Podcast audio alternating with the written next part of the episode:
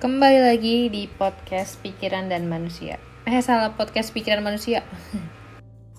Halo halo semua, uh, semoga kalian baik-baik aja ya. Kali ini another usaha untuk riding the wave. Dan seperti biasa nih, uh, ada bos tang lagi sebagai supporter setia minggu ini. Thank you ya, bikin kita selalu konsisten buat upload jadinya. Thank you. Uh, tentu uh, kiriman apa ya berupa dukungan ke ya nggak nggak wajib ya, tapi sangat diapresiasi dan bikin apa ya kita uploadnya jadi konsisten gitu ya. Oke, kita mulai aja. Um, mungkin udah sangat ketebak kali ya topik kali ini tuh tentang apa. Emang film Oppenheimer ini lagi hype banget sih, parah ya. Apalagi ini filmnya Christopher Nolan gitu yang mostly itu emang bagus-bagus banget gitu. Yap, benar. Dan aku kemarin udah nonton ya. Emang bagus sih. Uh, tiga jam aku apa ya nontonin orang dialog doang gitu ya, nggak nggak terlalu berasa gitu ya. Walaupun nggak ada hal yang mengagetkan gitu ya buatku ya. Apalagi emang udah baca dan nonton-nonton gitu ya semua tentang Oppenheimer sebelum uh, sebelum nonton filmnya gitu. Jadi nggak ada spoiler ya sebenarnya di film itu. Jadi ya dia berhasil gitu bikin bom gitu. Dan dan ya Nagasaki dan Hiroshima sangat disayangkan uh, jadi korban gitu jadi itu nggak bukan spoiler ya harusnya kalian nggak ada takut di sini Ya udah kalian pasti paham lah uh, bahwa isu utama dari diskusi kita kali ini adalah tentang bom atomnya nih. Tapi sebelum ngomongin Oppenheimer dan bom atom, kayaknya kita perlu revisit sebuah eksperimen pikiran dulu nih. Siapa tahu yang uh, dengerin tuh udah lupa udah pada lupa kali ya. Ya, tentu eksperimen yang kita maksud adalah apa? Eksperimen pikiran yang kita maksud adalah the trolley problem. Kita pernah bahas ini di episode awal-awal mengenai pembahasan tentang etika. Jadi, trolley problem ini dicetuskan oleh Philippa Foot gitu ya pada tahun 16 eh sorry 1967. Jadi intinya kamu sedang berada gitu ya di pinggir rel kereta. Dan kamu sadar bahwa terdapat troli atau kereta datang mendekat gitu ya, ngebut. Setelah itu kamu juga menyadari bahwa di ujung yang berlawanan berseberangan, terdapat lima orang yang terikat di rel kereta api tersebut. Di dekatmu ternyata terdapat sebuah tuas yang dapat mengubah jalur kereta yang datang ke rel sebelahnya. Tapi ternyata gitu, di rel yang satu lagi terdapat uh, satu orang lagi, orang lain yang terikat di sana. Jadi itu ya, itu yang ditanyakan Philip Foot. Apa yang akan kamu lakukan? menarik tuas tersebut atau enggak. Jadi sekarang kamu dihadapkan dengan sebuah dilema nih, membiarkan kereta tersebut bergerak menyebabkan lima orang meninggal, atau kamu yang tarik tuas tersebut dan menyebabkan satu orang meninggal. Kalau kamu uh, utilitarian sih, kamu pasti bakal menganggap bahwa lima, lima nyawa itu lebih berharga daripada satu. Tapi uh, mengetahui tanganmu nih yang akan dipenuhi darah nih, apakah kamu akan tetap mau tuh narik tuas tuh? Seperti yang kamu bilang tadi gitu ya, utilitarianisme yang melihat bahwa untuk menjadi moral gitu ya, itu berarti memaksimalkan happiness. Jadi tentu apa ya, seorang utilitarian akan menarik tuas tersebut sehingga menyelamatkan lima orang, meskipun harus membuat satu orang terbunuh gitu. Dan menurut survei pun kebanyakan orang mau gitu narik tuas tersebut. Tapi ketika eksperimen pikirannya sedikit diubah gini, yaitu bukan menarik tuas lagi, tapi kita dorong satu orang sehingga keretanya berhenti sebelum menabrak lima orang. Ketika kita buatkan uh, twist kayak gitu ya, reaksi orang tuh beda lagi malah. Kita sepertinya lebih ragu-ragu dalam menjawab the trolley problem ini gitu. Entah kenapa muncul keraguan ketika kita directly nih membuat orang terluka. Benar, dan menariknya gitu ya. Seorang filsuf asal Jepang, uh, yakni Profesor Masiro Morioka, beliau mengajar di Waseda University dan ketika Masiro, eh Masahiro, sorry, mengajarkan tentang the problem, trolley problem ini di kelasnya, seperti yang kamu bilang tadi, banyak orang yang mengatakan mereka mau menarik tuas-tuas tersebut, termasuk murid-muridnya Masahiro. Tapi ketika Profesor Masahiro mengatakan bahwa keputusan untuk mengorbankan satu orang demi menyelamatkan lima orang itu sama aja dengan keputusan untuk meledakkan Hiroshima dan Nagasaki ketika dihadapkan dengan fakta yang seperti itu, murid-muridnya dia gitu terdiam gitu, bingung. Emang di mananya nih trolley problem dan tragedi bom atom di Hiroshima dan Nagasaki itu uh, ada kesamaan gitu. Di trolley problem kan kita disuruh nyelamatin lima orang atau bunuh satu orang gitu kan. Kalau kasus Amerika yang melakukan pengoboman di Hiroshima Nagasaki ini gimana? Emang mirip di mananya nih? Mungkin nggak apa ya nggak totally the same gitu, tapi ada gitu kepemir kemiripan uh, dari logikanya. Gitu. Share the same logic gitu karena Presiden Amerika waktu itu, gitu ya, Presiden Truman, menjustifikasi tindakan uh, pengoboman uh, bom atom Hiroshima dan Nagasaki dengan mengatakan bahwa korban perang gitu ya antara Amerika dan Jepang jika dilanjutkan tanpa bom atom gitu ya, yakni apa ya serbuan biasa ya konvensional serbuan darat oleh Amerika akan membunuh sekitar satu juta prajurit gitu ya Amerika dan mungkin lebih banyak lagi korban dari kubu Jepang gitu. Jadi Presiden Truman waktu itu uh, mengatakan bahwa bom atom ini gitu ya, meskipun mengorbankan lebih dari 200 ribu nyawa, merupakan tindakan yang lebih baik. Gitu. Dan gitu ya dibilang for a greater good gitu. Jadi untuk apa ya hasil yang lebih baik gitu.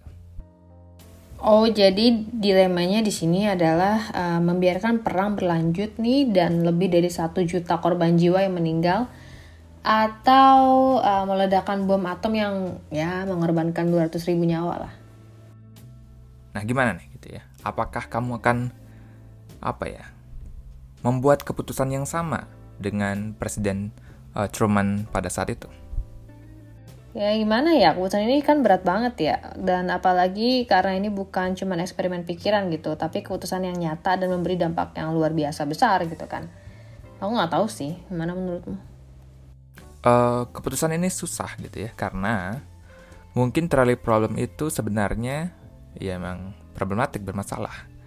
Profesor uh, Masahiro Morioka gitu ya mengajak kita untuk melihat kenapa trolley problem ini problematik gitu. Permasalahan pertama gitu ya, yakni rarity gitu atau kelangkaan. Trolley problem ini menurut gitu ya profesor itu dia bilang dunia nyata ini sangat jarang terjadi gitu. Atau bahkan kita bisa bilang uh, persoalan ini itu tidak realistis gitu. Ya tadi kan kamu bilang kasus bom atom salah satu kasus yang memiliki kemiripan nih sama trolley problem. Uh, tentu banyak gitu ya kasus-kasus dalam sejarah yang memiliki kemiripan atau uh, share the same logic gitu ya dengan trolley problem. Tapi itu, itu apa ya tidak entirely the same, tidak sama. Kayak self-driving car dilema gitu ya, itu juga mirip dengan trolley problem atau bahkan kasus yang sempat di apa rame di sosmed yakni apa supir bus yang bilang lebih baik apa ya dia nabrak mobil gitu daripada penumpang busnya yang lebih banyak jadi korban. Itu kan juga uh, share the same logic. Tapi kasus-kasus ini tidaklah sama banget dengan trolley problem. Bus itu gitu ya, bisa aja dia ya dia pelan-pelan dong gitu ya, jangan ugal-ugalan kita tahu banyak yang kayak gitu. Atau pemilik bus harus rajin gitu ya maintain busnya biar nggak blong remnya atau apalah. Pemerintah bisa juga memperbaiki kualitas jalan gitu ya, penerangan atau rambu-rambu dan lain-lain gitu.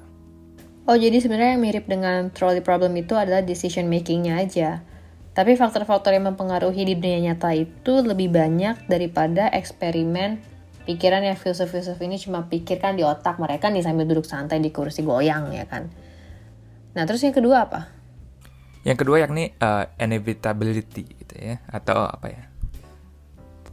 Hal yang tidak bisa dihindari gitu ya. Ini cukup mirip gitu ya dengan tadi bahwa di trolley problem terkesan cuma ada uh, dua pilihan gitu ya. Tarik tuas atau tidak tarik gitu aja. Tapi di dunia nyata sebenarnya nggak gitu, nggak ada nggak nggak hitam putih itu gitu ya. Banyak pilihan alternatif lain gitu.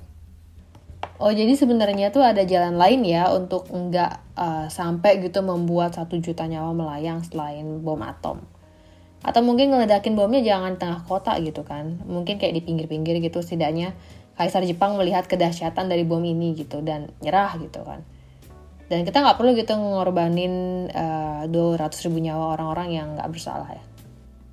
Benar gitu ya. Terus yang ketiga adalah uh, safety zone gitu ya. Orang yang uh, berdiri gitu ya menarik tuas di apa di trolley problem ini itu tidaklah terlibat gitu ya di insiden yang terjadi ini.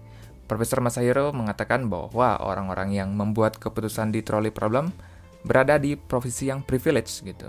Yang membuat kita tidak merasakan gimana gitu rasanya kalau kita ikut jadi korban di situasi tersebut. Tapi gimana kalau kamu ubah situasinya, di mana kamu juga jadi korban di trolley problem tersebut? Uh, menurut menurut Masahiro gitu ya, tetap bermasalah. Walaupun kamu ubah gitu situasinya di trolley problem tersebut gitu ya, uh, bahwa dengan menarik tuas gitu, kamu juga ikut jadi korban gitu, atau tidak gitu kan? Uh, faktanya gitu ya, kamu tuh cuma mikirin di dalam pikiranmu gitu ya, nggak beneran ada di situasi tersebut gitu ya. Segimanapun kamu ubah gitu terhadap problem itu, kamu tetap ya berada di luar situasi tersebut, kamu tetap aman aja di dalam pikiranmu gitu. Nah terus yang keempat gimana? Uh, keempat ada aspek uh, the possibility of becoming a victim gitu. Jadi ada kemungkinan gitu ya kamu jadi korban. Ini apa ya kebalikan dari permasalahan safety zone tadi Eh, kita pikir ketika kita membuat keputusan antara menarik atau tidak menarik, kita berada di zona aman gitu ya. Tapi di dunia nyata tidaklah seperti itu. Gitu. Kita sangat gampang gitu ya, sangat rentan. Kita bisa ikut jadi korban. Contohnya apa bom atom ini aja gitu ya.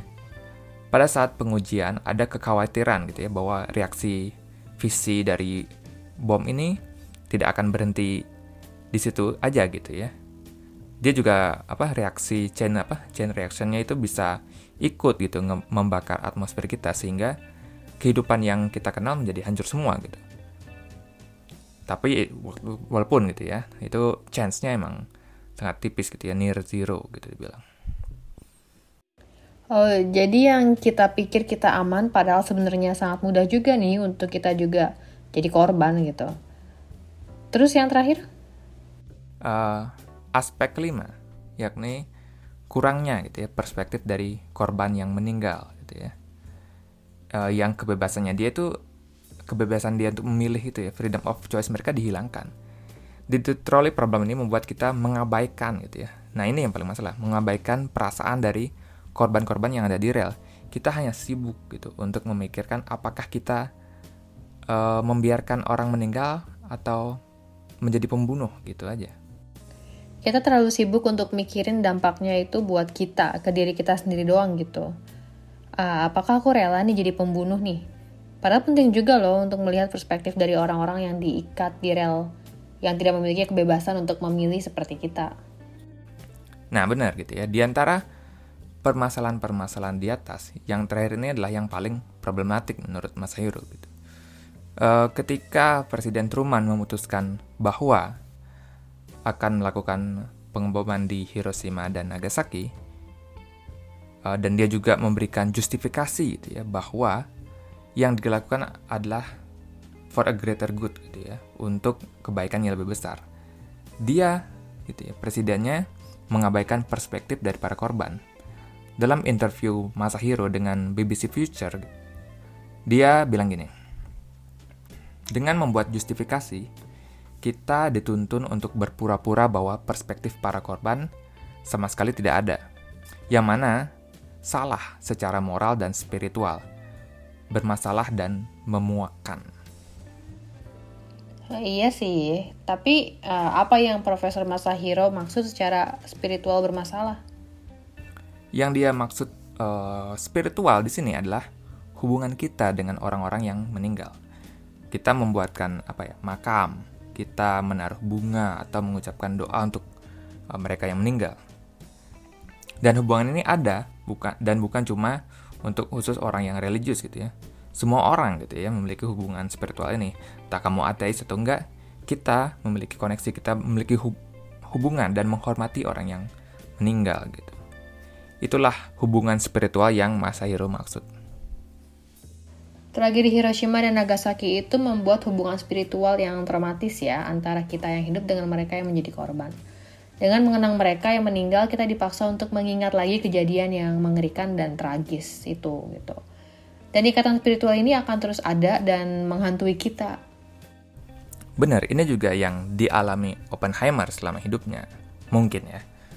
Di filmnya sih kayaknya gitu gitu ya.